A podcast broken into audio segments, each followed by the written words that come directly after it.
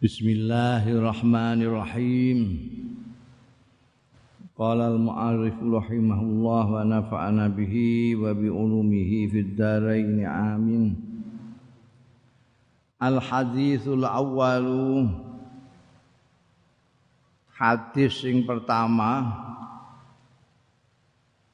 An Amirul Mukminina saking Amirul Mukminin Abi Hafsin Konyae asmane dhewe Umar bin Khattab radhiyallahu an. Kala dawuh sapa Amirul Mukminin Sami'tu Rasulullah sallallahu alaihi wasallam. Mireng sapa ingsun ing Kanjeng Rasul sallallahu alaihi wasallam. Tak pireng yakulo ingkang dawuh ya Kanjeng Rasul innamal a'malu binniyati. Angin pestine amal-amal iku sae binniyati kelawan niat-niat. Wa innama likul limriin manawa. Nanging pestine iku keduwe saben-saben wong mau tai barang nawa. Sing niat ya kulum riin angka mangkanat hijratu pamangkanat sapane wong kang ana apa hijratu hijrah iman ana iku ilallahi maring keridonane Allah wa rasulih lan utusane Allah. Wa hijratu mongko utahe hijrah iman iku ilallahi marang Gusti Allah wa rasulih lan utusane Allah. Wa mangkanat hijratuhu ansapane wong ana ya hijratu hijrah iman lidunyan krana dunya yusibuha kang ngeneki ya manha ing donya awi mraatin utawa wedokan wong wedok yang kihuha. Sing nikahi ya manha ing imroah fa mongko utawi hijrah man iku ilama hajara ilaih maring barang kang hijrah sapa man ilaihi marang ma rawahu riwayatake hadise Amirul Mukminin iki. Sapa imamal mujtahidin? Imam lorone imamal muhaddisin imam lorone ahli-ahli hadis. Yaku yang pertama Abu Abdullah kunyae asmane Dewi Muhammad bin Ismail Muhammad bin Ismail bin Ibrahim bin Al-Mughirah bin Bardisbah Al-Bukhari. Saiki ning daerah Rusia kan. Sing kedua wa Abdul Husain konyae Muslim Ibnul Hajjat asmane dhewe Muslim bin Al Hajjat bin Muslim Al Kushairi An-Naisaburi. Fi sahihaihima ma dalam sahih lorone Imam Bukhari dan Imam Muslim. Alladzaini huma kang loro-lorone huma ya ladzaini iku asahul kutub luweh sahih-sahihe pira-pira kitab al musannafati sing di karang wong sing disusun wong al musannafa nek Quran kan ora disusun nembe wong disusun oleh orang itu yang paling sokeh loro Bukhari Muslim. Hadis yang pertama ini sumbernya dari Amirul Mukminin. Sahabat Umar itu ketika sahabat Abu Bakar wafat menggantikan sahabat Abu Bakar. Sahabat Abu Bakar ketika Kanjeng Rasul sallallahu alaihi wasallam wafat beliau dipilih secara demokratis menjadi penggantinya Kanjeng Rasul sebagai pemimpin di Madinah. Pemimpinnya umat Islam. Dijuluki Khalifatu Rasulullah sallallahu alaihi wasallam. Khalifatu Rasulullah penggantinya Kanjeng Rasul dalam kedudukannya memimpin umat pada waktu itu khalifah ketika sahabat Abu Bakar wafat Sayyidina Umar bin Khattab orang yang kuat orang yang hebat tapi sangat tawaduknya. Beliau tidak mau memegang gelar khalifah. Tidak mau. Dia merasa belum pangkatnya. Yang pantas itu cuma sahabat Abu Bakar sebagai khalifah. Saya tidak mau. Karena nggak mau dikasih gelar itu. Orang-orang lalu lah nanti manggilnya gimana ya terserah kamu pokoknya jangan khalifah akhirnya usul-usul-usul ada yang usul bagaimana kalau Amirul Mukminin pemimpinnya orang-orang mukmin Ya dah. Boleh, boleh. Sejak itu sahabat Umar dijuluki Amirul Mukmin. Jadi sudah tidak ada khalifah sejak itu. Eh, iki ana khilafah-khilafah barang itu ngarang itu. Mabur ra karuan. Ngono ya akeh sing ngandel.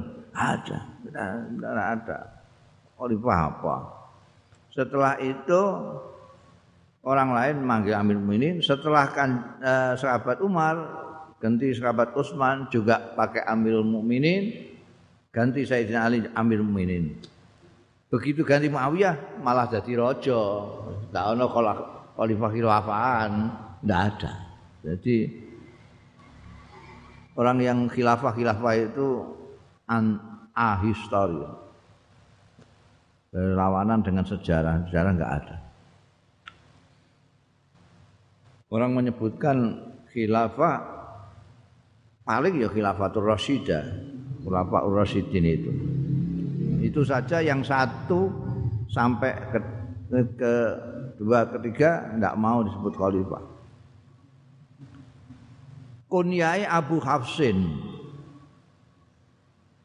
jadi orang orang Arab itu panggilan kehormatannya adalah kunyah itu. Merasa terhormat kalau dipanggil kunyahnya. Sampai ada yang orang sampai lupa namanya. Siapa namanya nggak jelas mergo saking populernya kunyahnya. Karena semua orang manggilnya pakai kunyah semua seperti Abu Bakar Siddiq, Abu Dzarrin. Ya, itu, itu kunyah Asmanya sendiri Umar bin Khattab.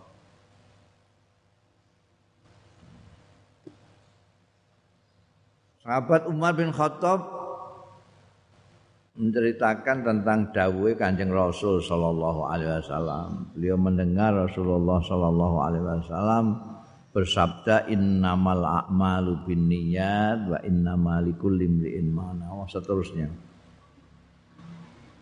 Seperti yang kemarin dikemukakan oleh musannaf Imam Nawawi menyatakan bahwa hadis-hadis yang beliau pilih 40 lebih sedikit ini dipilihkan hadis-hadis penting yang pokok-pokok. Dan ini hadis pokok yang pertama kali ini. Karena semua amalan-amalan dalam Islam ini semuanya menggunakan niat. Innamal a'malu binniyat.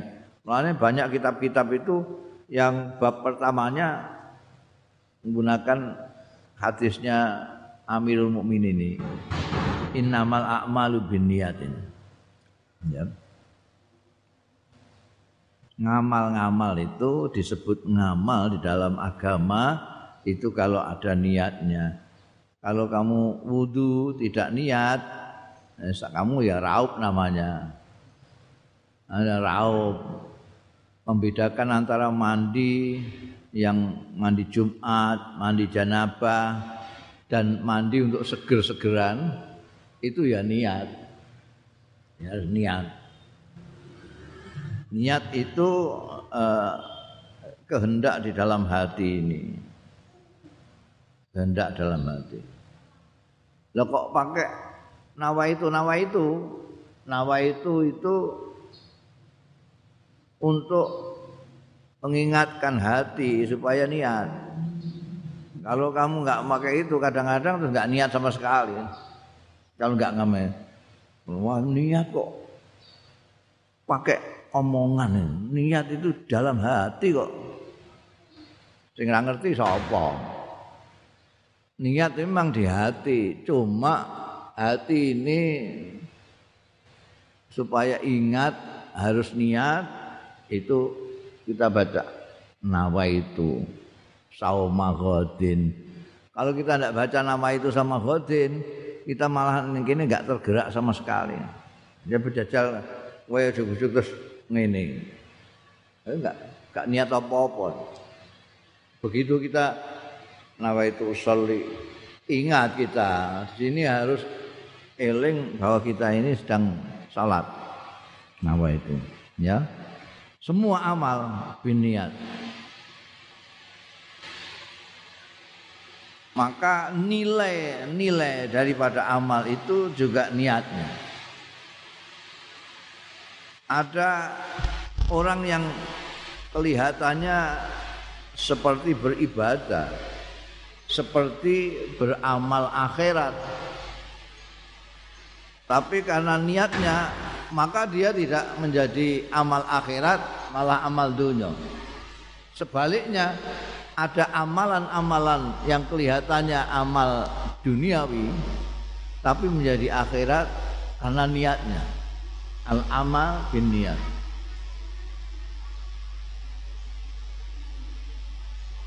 Ada orang yang tidur. Tidur itu perbuatan duniawi tidur biasa tapi karena niat dia menjadi ibadah saya tidur nanti supaya malam hari saya bisa bangun energi saya kembali, saya bisa sholat malam dengan baik, tidurnya dapat pahala. Sebaliknya, ada orang baca Quran, kelihatannya akhirat sekali baca Quran itu. Tapi tidak dihitung ibadah. Kenapa? tidak dapat pahala. Kenapa? Karena memang niatnya bukan pahala. Niatnya apa? Piala. Orang yang ikut MTQ itu niatnya apa? Niatnya dapat pahala, piala bukan dapat pahala. Nah ngapain dia latihan terus ini? Untuk mendapatkan piala ini. Yeah. Oh saya niatnya membaca Quran tadarusan ya enggak, ada yang percaya. Kalau kamu tadarusan di rumah saja. Ngapain ikut MTK? Nah. Jadi niat ini menentukan sekali. Muamal semua. Jadi ke kalau kemarin tidak berlebihan kalau Imam Nawawi menyatakan bahwa hadis-hadis yang dipilih ini ada yang mencakup agama keseluruhan. Ada yang separuh agama, ada yang sepertiga agama. Ini kan semua. Mu syahadat niat menyaksikan tidak ada Tuhan kecuali Allah bahwa kanjeng Nabi Muhammad Shallallahu Alaihi Wasallam utusannya Allah. Pakai niat. Sedekah pakai niat. Apa? Ini akan menjadi sedekah akan menjadi hibah akan menjadi zakat akan menjadi ya tidak akan menjadi apa-apa. Tergantung niatnya kamu memberikan itu. Innamal a'malu binniyat. Innama itu adatul hasri. Adatul hasri itu sama dengan nafi dan illa. Artinya ya hanya yang dengan niat itu yang disebut amal. Kasr. Tidak ada amal lain yang dianggap kecuali yang pakai niat.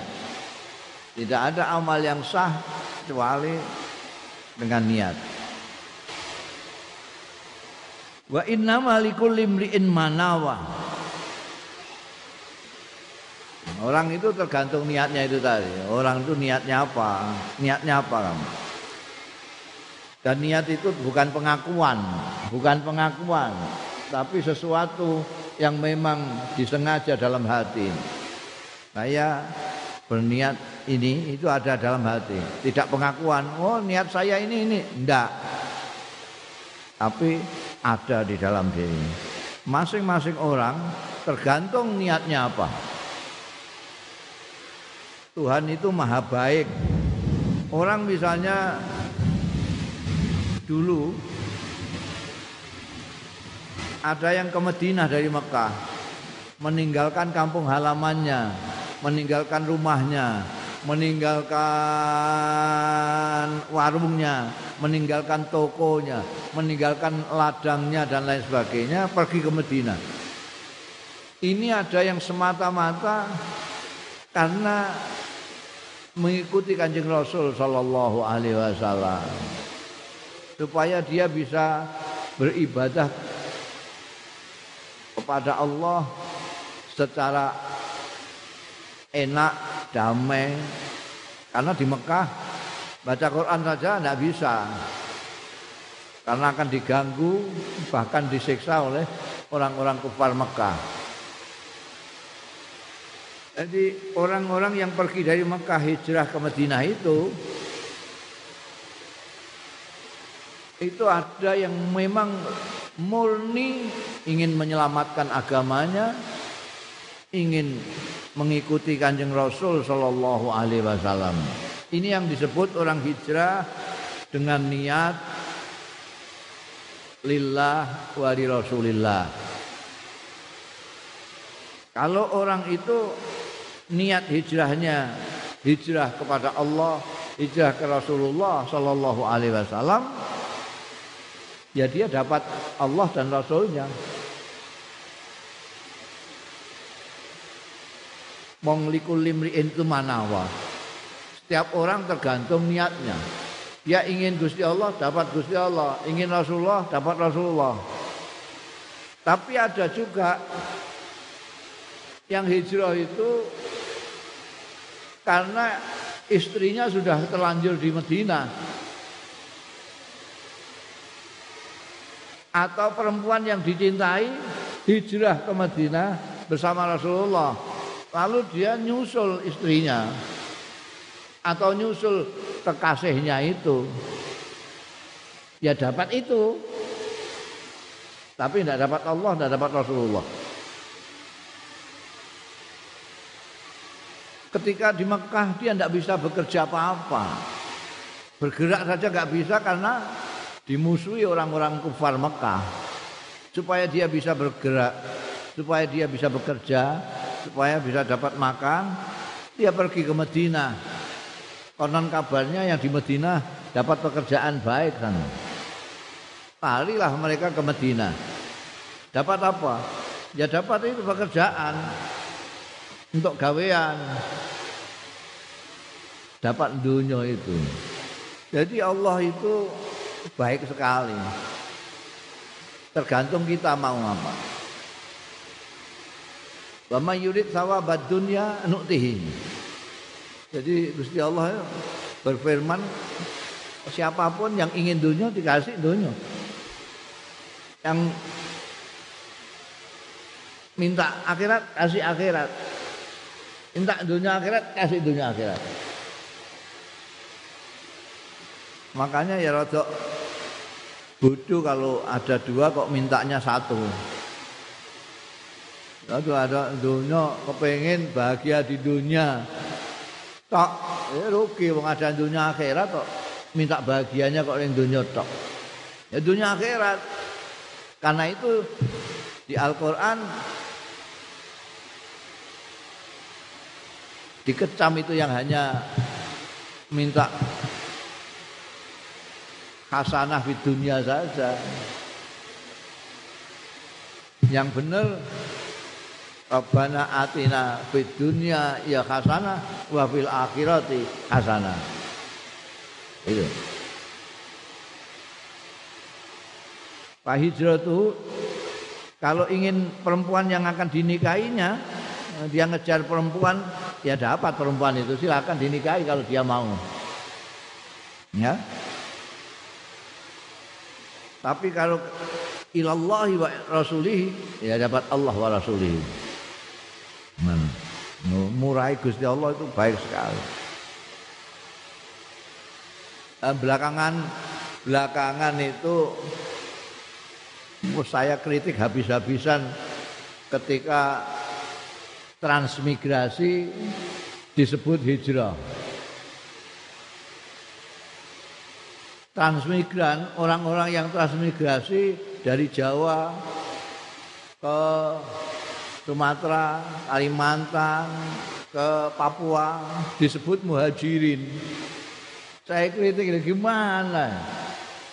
Oh sudah ada hadisnya begitu kok. Yang disebut hijrah itu man hajara ilallah wa rasulih orang ila dunia yusibuha kalau transmigran jelas ila dunia yusibuha. Jelas.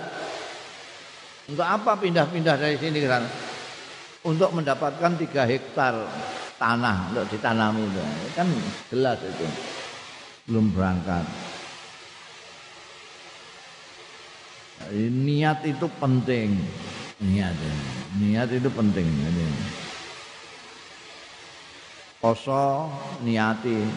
Kamu mau apa-apa itu jangan lupa niat ondok mbok niati apa niatmu apa kamu itu mondok itu apa niatnya orang belajar itu niatnya macam-macam. Digambarkan biasanya dengan cita-citamu apa? Oh, ini. Ada orang yang belajar itu supaya nanti dapat ijazah. Ijazah ini nanti bisa untuk cari kerjaan. Ada yang niatnya begitu. Ada yang niatnya itu mencari ilmu. Ada yang niatnya itu ah, timbangannya di rumah saya tidak kerasan dikongkan-kongkon wong tua terus saya. Pergi jauh mondok. Ada yang tidak niat sama sekali karena disuruh wong tuanya ya kayak mondok-mondok, mondok. Ini harus dimulai merkolikul limriin manama. Kamu niatnya apa? Tuhan Maha murah. Kamu niatnya jadi orang apa jadi apa. Ada orang itu yang niatnya itu sederhana sekali. Sederhana sekali. Aku nanti kalau belajar ini saya pinter, pinter engko terus saya mencalonkan jadi anggota DPR. Eh, ini kan sepele banget. Jadi anggota DPR ya tidak cita-cita niat barang. Rasa niat. Saya tidak pernah niat apa-apa, jadi DPR pernah, jadi MPR pernah. Enggak niat. Ini. Dulu orang mondok pesantren itu niatnya sederhana sekali. Mondok niatnya ngilangno kebodohan, menghilangkan kebodohan. Titik. Karena itu dulu orang mondok itu enggak habis-habis. Kalau di sini kiainya habis ilmunya, Karena dulu itu kiai itu ada spesialisnya. Sini nahwu, di sini hadis, di sana tafsir. Dan nah, sini sudah nahwu sudah melotok.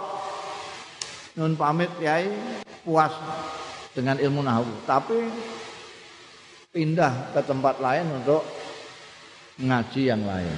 Sampai bodohnya hilang. Padahal bodoh tidak pernah hilang. Karena semakin kamu pandai, semakin bodoh. Orang itu semakin pandai, semakin bodoh.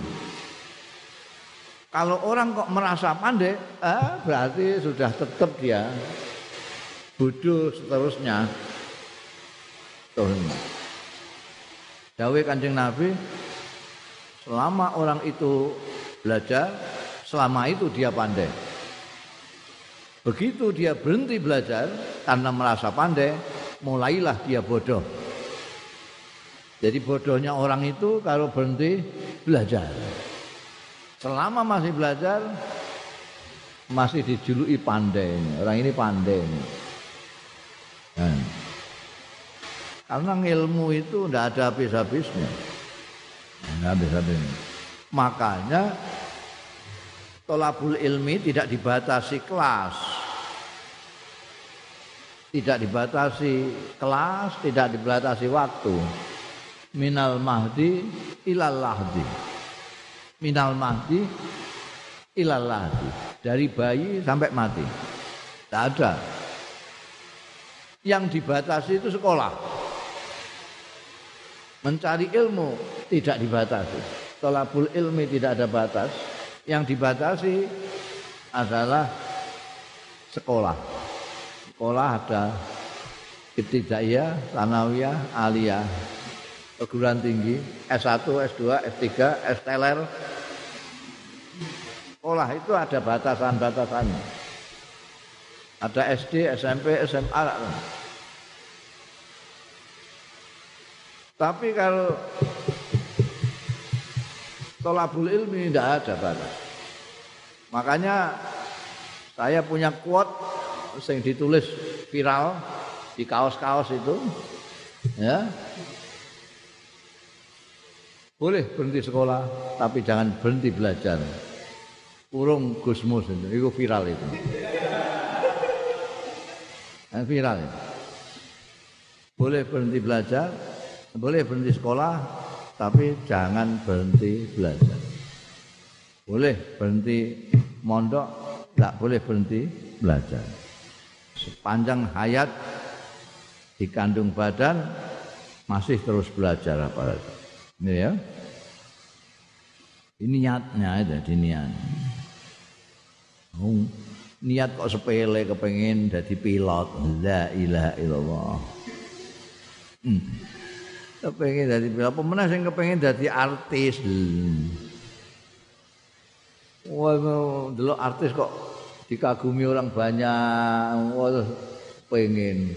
Nah artis itu banyak yang nggak sekolah malah, nggak belajar gak apa, mau tampang nyatok ngono aja, eh, mau tampang. Jadi kowe itu rasa niat macam-macam, rasa ngaku cita-cita, ngilangno kebodohan. Nanti jadi apa serahno Gusti Allah. Serahno Gusti Allah. Jangan matok gitu loh. narget nanti saya jadi ini jadi ini saya jadi kiai aku jadi guru agama aku jadi DPR aku jadi lurah tidak usah. Pokoknya kamu belajar saja belajar saja belajar saja. Nanti jadi apa? Serahno Gusti Allah. Dulu waktu sekolah rakyat sekarang namanya SD dulu sekolah rakyat nggak ada sekolah SD saya ditanya guru saya sak kelas itu saya sendiri sih nggak iso jawab karena nggak pernah diajari wong tua nih ngomong kamu cita-citanya apa? Nggak punya. Nggak punya. Mau saya nggak punya cita-cita. Waktu itu kok iya muni nggak punya. Kamu cita-citanya apa? Nggak punya. Loh kok enggak punya itu gimana? Ya memang enggak punya. Enggak kepengin jadi apa? Enggak kebayang waktu enggak kebayang.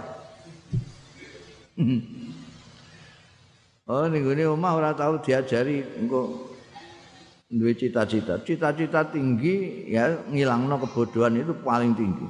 Ngilangno kebodohan. Paling penting itu. Mergo ndak leren-leren sana ngilangno kebodohan.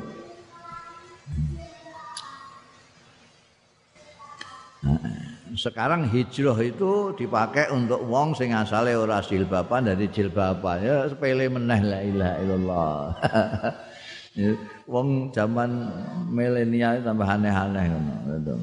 Ngono ya akeh sing melok. Gumun. Jadi hijrah di disederhanakan terlalu sederhana. Hijrah dari per, yang buruk menjadi yang baik itu gede.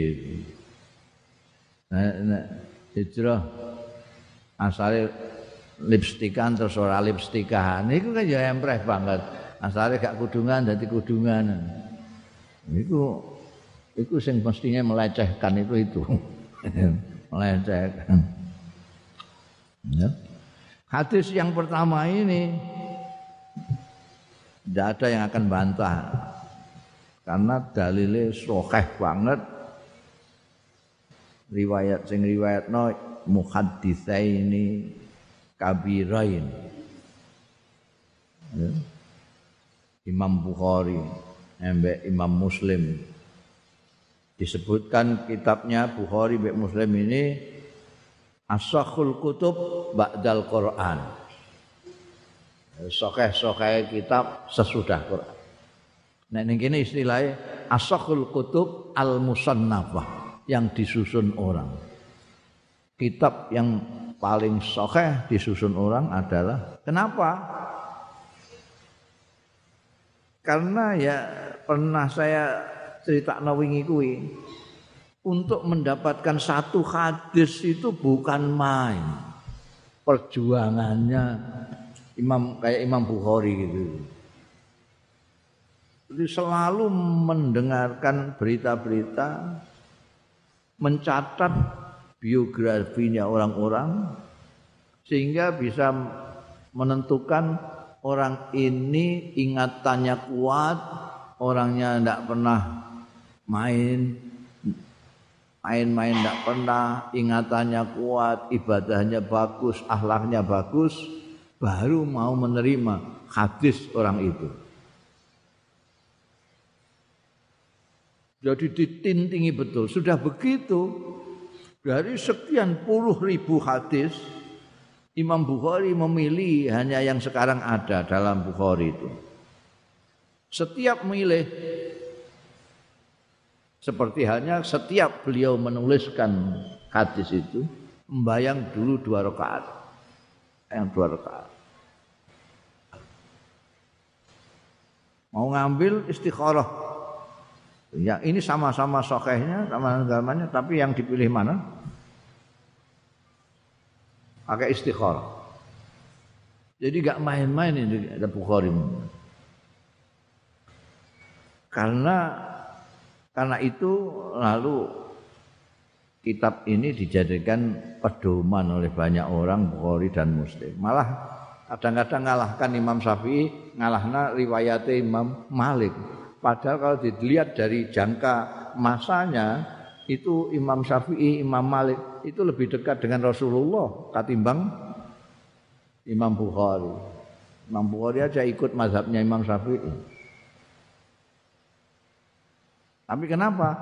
Karena ya itu Imam Bukhari dan Imam Muslim ini menggunakan metode yang luar biasa ketat sehingga tidak bisa dikatakan ini bukan hadis tidak bisa.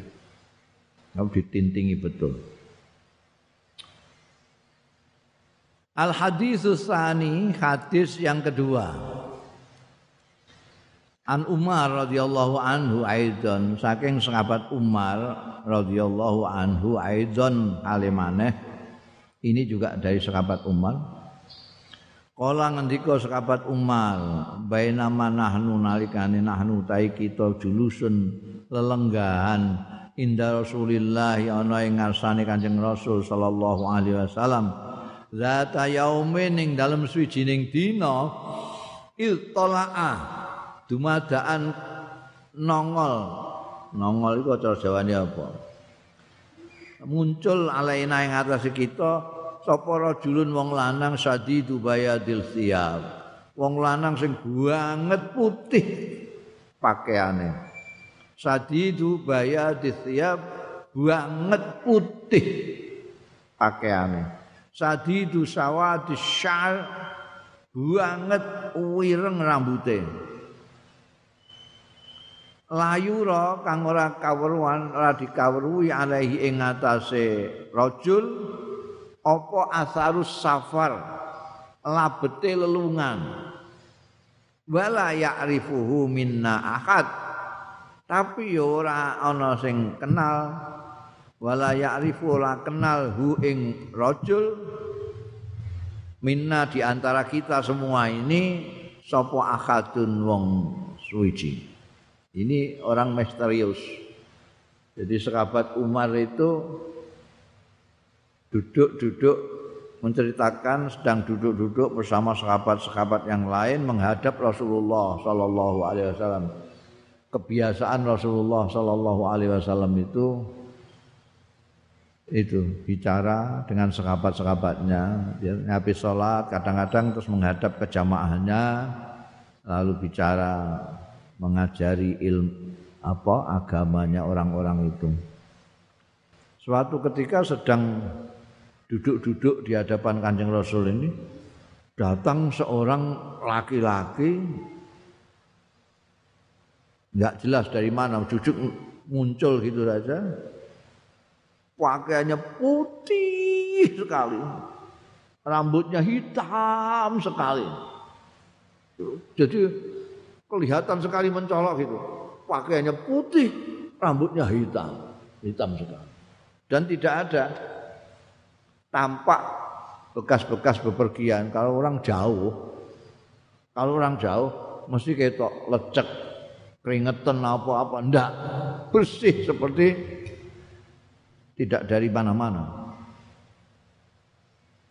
Tapi semua di antara kami para sahabat tidak ada yang kenal kalau dia orang sini, pantaslah tidak ada bekas-bekas bepergian. Tidak keringetan seperti kita ini memang orang sini. Tidak keringetan, tidak apa. Tidak ruek-ruek, tidak berdebu. Memang kita orang sini. Tapi ini kita nggak ada yang kenal satupun. Dari kita itu tidak ada yang kenal. Tapi kok resik ini? Itu misterius ini orang. Hatta jalasa dia nerunjuk saja datang jajet kita bingung bengong ini kok orang kok dari mana ini? Kalau orang jauh kok nggak kelihatan keringetan, nggak kalian lecek nggak apa? Kalau dari sini kok kita nggak ada yang kenal? Dia terus melewati orang-orang itu menghadap marki Kanjeng Rasul sallallahu alaihi wasallam.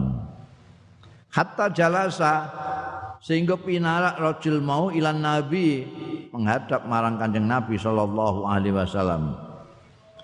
Fa asnada mongko menyandarkan ya rajul rukbataihi ing dengkul lorone rajul ila rukbataihi marang dengkul kali Kanjeng Rasul sallallahu alaihi wasallam. Dengkule ditatapno dengkule Kanjeng Rasul sallallahu alaihi wasallam. Tuk. Wa wa kafaihi lan meletakkan ya rajul kafai ing epe-epeke loro ala fakhidai ing atase pupu lorone.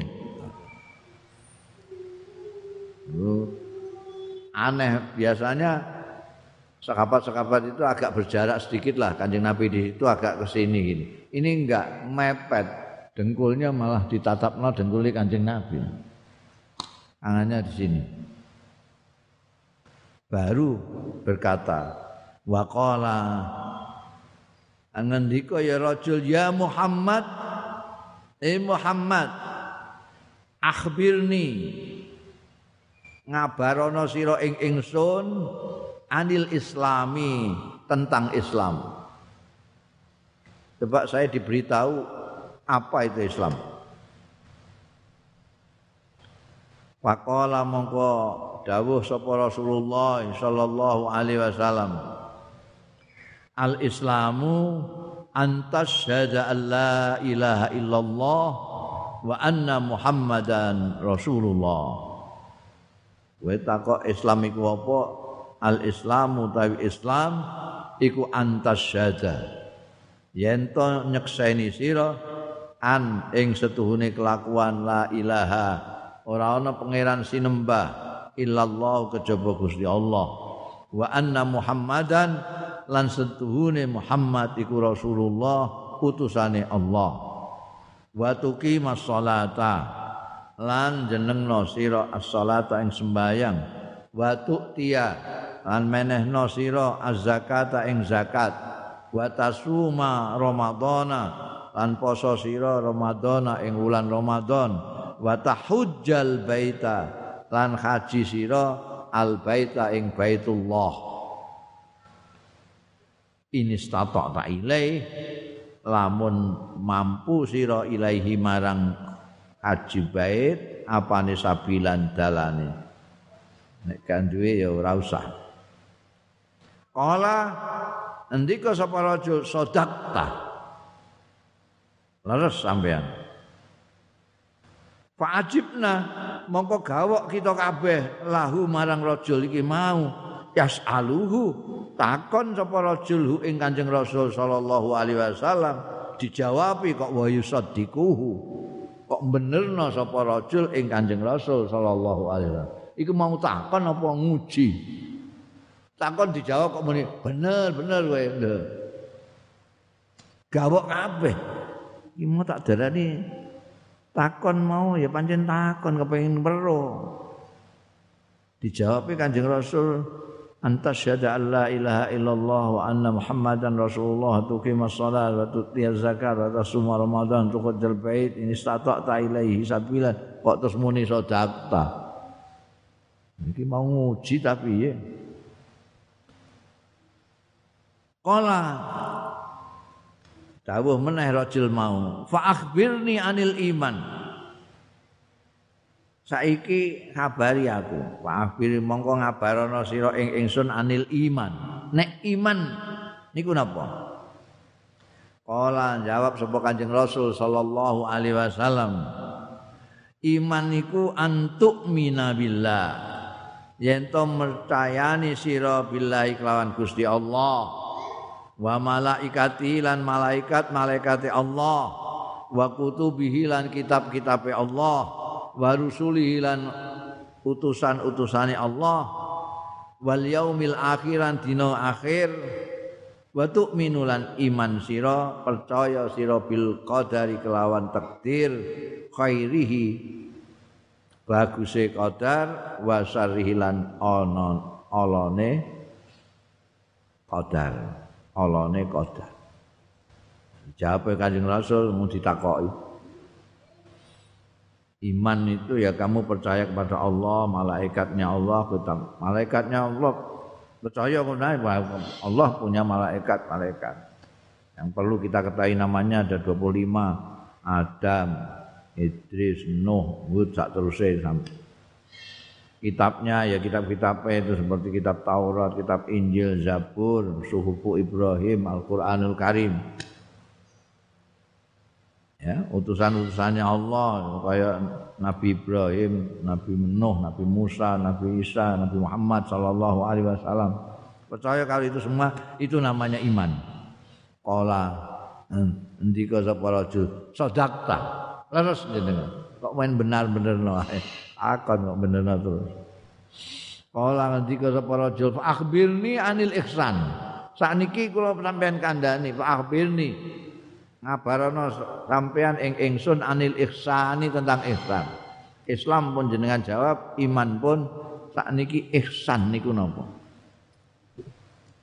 Kala dawuh Kanjeng Rasul sallallahu alaihi wasallam jawab Ihsan iku antak budallah yen to nyembah sira ing Allah kaannaka kaya-kaya setune sira iku tarahu ningali sira ing Allah. Fa illam takun tarah mongko lamun ora ana sira ora ana iku tarahu bisa ningali sira ing Allah fa innahu mongko sak temene Gusti Allah iku yaraka mirsani ya Allah ing sira ihsan niku sedapat mungkin kamu itu ngibadah seolah-olah kamu melihat Allah. Jangan ngibadah melihat isine TV ta'budallah ka'annaka tara. Olah-olah. Jadi padahal ibadah itu ada yang mahdoh ada yang tidak mahdoh yang mahdoh itu yang salat yang kaji yang poso barang. Ada yang ibadah-ibadah lain seperti silaturahmi Quran segala macam. Semua ibadah-ibadah itu kita harus betul-betul seolah-olah Allah itu kita lihat. Kita sedang baca Quran ya seperti kita didawi Allah Taala gitu. Karena kata, kalaupun kamu tidak bisa melihat, itu Allah melihat kamu. Jadi kita harus menyadari kalau kita tidak bisa melihat Allah, kita harus sadar betul bahwa kita dilihat Allah sedang ibadah itu. Ya saru kalau kita dilihat Allah lalu pikiran kita ke mana-mana. Enggak konsentrasi kepada Allah. Kita baca Quran tapi tidak merasa bahwa kita didawi Gusti Allah itu gimana? Mau itu firman Allah. Eh. Jadi al ihsan antak budallah ka'annaka tara. Fa ilam takun tara fa innahu yaraka aslian Kala andika meneh rajul mau fa akhbirni mongko mugi ngabari panjenengan ing kula anis saati tentang dina kiamat. Dina kiamat niku apa? Ya di sini Kanjeng Nabi ndak jawab. Kala dawuh sapa Kanjeng Nabi mal mas'ulu anha bi a'lama minas sa'il. Ora ana sapa wong sing ditakoni anha tentang saah. Ora ana iku bi alama luweh ngerti minasaili timbangane sing takon. Diplomatis sekali. Anjing Nabi yang ditanya tentang kiamat tidak lebih tahu dari yang bertanya. Padha-padha ora ngerti nek soal iki, no? ora ngerti padha-padha ora ngerti ini. Bangku sing ngerti mok Gusti Allah tok. Tapi saya terus dedes iki. Kala ndika sapa rajul fa akhbirni nek ngono fa akhbirni mengko ngabarana sampean ing ingsun an ammaratiha saking tanda-tandane. Alamat-alamatnya itu apa? Kalau ndak tahu persis kapan ya minimal tanda-tandanya apa kiamat kalau akan kiamat Kala dawuh Kanjeng Nabi, ini alamatnya aku ngerti, dawuh Kanjeng Nabi. Antalidal amatu rabbataha.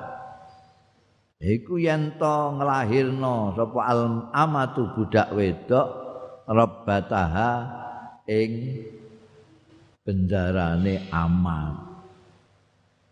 Iki ketika masih ada budak itu diartikan eh, ada budak dikawini sama sayidnya terus sayidnya punya anak maka anaknya ini bendoro ibunya tetap budak. Ini jadi anaknya jadi bendara nembok eh dulu begitu. Ada juga yang menafsiri sekarang itu ada orang kecil tapi anaknya menjadi orang besar. Karena emang bisa ngelutuk jadi presiden Jadi mboke sowan ning gone istana. Mboke mboke dadi apa nenenge? Mboke kaya-kaya budake anake. Ya, maknane gitu. Sekarang kan banyak. Mboke rakyat jelata dia presiden. Iku wis enak saiki dadi alam. Wa an taral khufatal uratal alata ri'a'az syai ya tatawaluna fil bunyan. Ini juga sudah terjadi. Wa antara lan yen to ningali sira al khufata wong-wong sing ngodhok al urata sing uda al alata ya, sing jelata ri'a asai menggembala menggembala menggembala kambing angon-angon wedhus. Tapi ya tata waluna padha dhuwur-dhuwuran ya khufat urat Allah. Fil bunyane dalam bangunan-bangunan. Dulu tidak bisa bayangkan ini nanti itu mau kiamat itu ada orang-orang yang sandalannya orang gak, gak kuat tuh sandal. Ngodok pambenan juga cawetan tok segala macam. Ana pambi yo saanane tiba-tiba dhuwur-dhuwuran bangunan itu lah ini sudah terjadi Dulu itu orang-orang Mekah, orang-orang Saudi, orang-orang Kuwait, orang-orang Kotor, orang-orang Imarat itu yo siji loro wae sing sandalan. Lainnya ngodok marat. Sampai pada satu saat mereka itu angger gawe sumur metu minyak, angger gawe sumur metu minyak, angger gawe sumur minyak. Wah, konangan wong Amerika, wah itu emas hitam itu. Wis tak gawekno anu pabrik gawekno mbek Amerika. Dadi ladang minyak pirang-pirang ning Kuwait. Wasale itu melarat angon unta, angon wedhus dadi sugih mblegeduk terus saiki dhuwur-dhuwuran. Kotor bangun dhuwur imarat gak gak gelem kalah.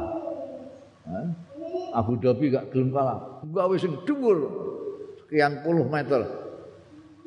Saudi gak gelem kalah gawe Zam-zam tower terus ya tata waluna bil bunyan. Dhuwur-dhuwuran. Malah ning gone apa jenenge nggone Emirat itu ana lapangan tenis dhuwur banget ning dhuwur kono. balik ceblok ya mbah. Oh itu ya iku saya enak saya wis enak ya tata walu nafil bunyan. Asale orang-orang melarat lah kufat, urat, alatan di aasati. Ketika Irak nyerbu Kuwait, Kuwait lari melayu kabeh itu. Itu setiap rumahnya orang Kuwait itu minimal ada 12 mobil larang-larang. Ini Kuwait itu ada lembaga penyalur zakat dan sodako. Karena di Kuwait sudah tidak ada yang mau, tidak ada yang menerima karena semuanya suka kabeh. Omais dur-duran kan. Ini bangun dur, on bangun. Ya. Ora trimo iki ning gone letah iki ya dhuwur-dhuwuran, kene mundur kono munggah dhuwur ya tata walu nafil bunyan, padahal asal kere kabeh. alamat kiamat.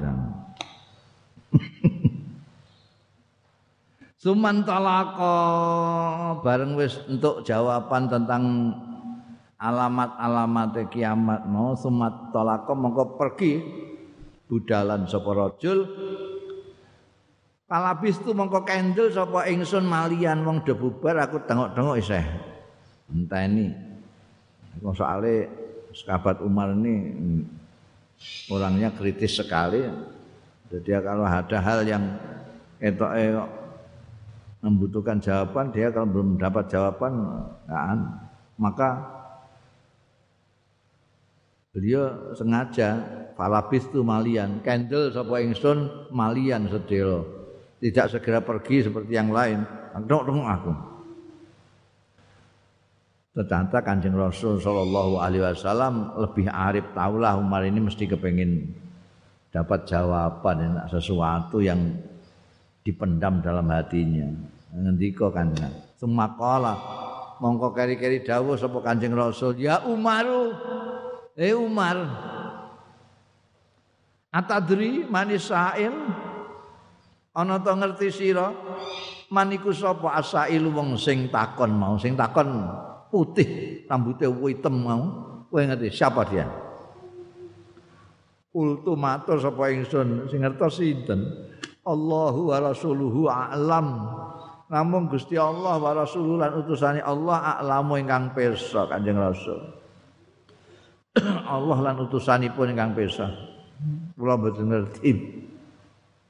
Kala dawuh sapa Kanjeng Rasul sallallahu alaihi wasallam, fa innahu mongko setune sa'il iku iku mono Jibrilu, malaikat Jibril.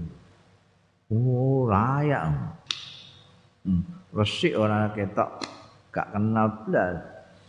Atakum sengaja rawuh ya Jibril ing sira kabeh yu'allimukum mulang sapa Jibril ing sira kabeh dinakum ing agama ira kabeh rawahu muslimun.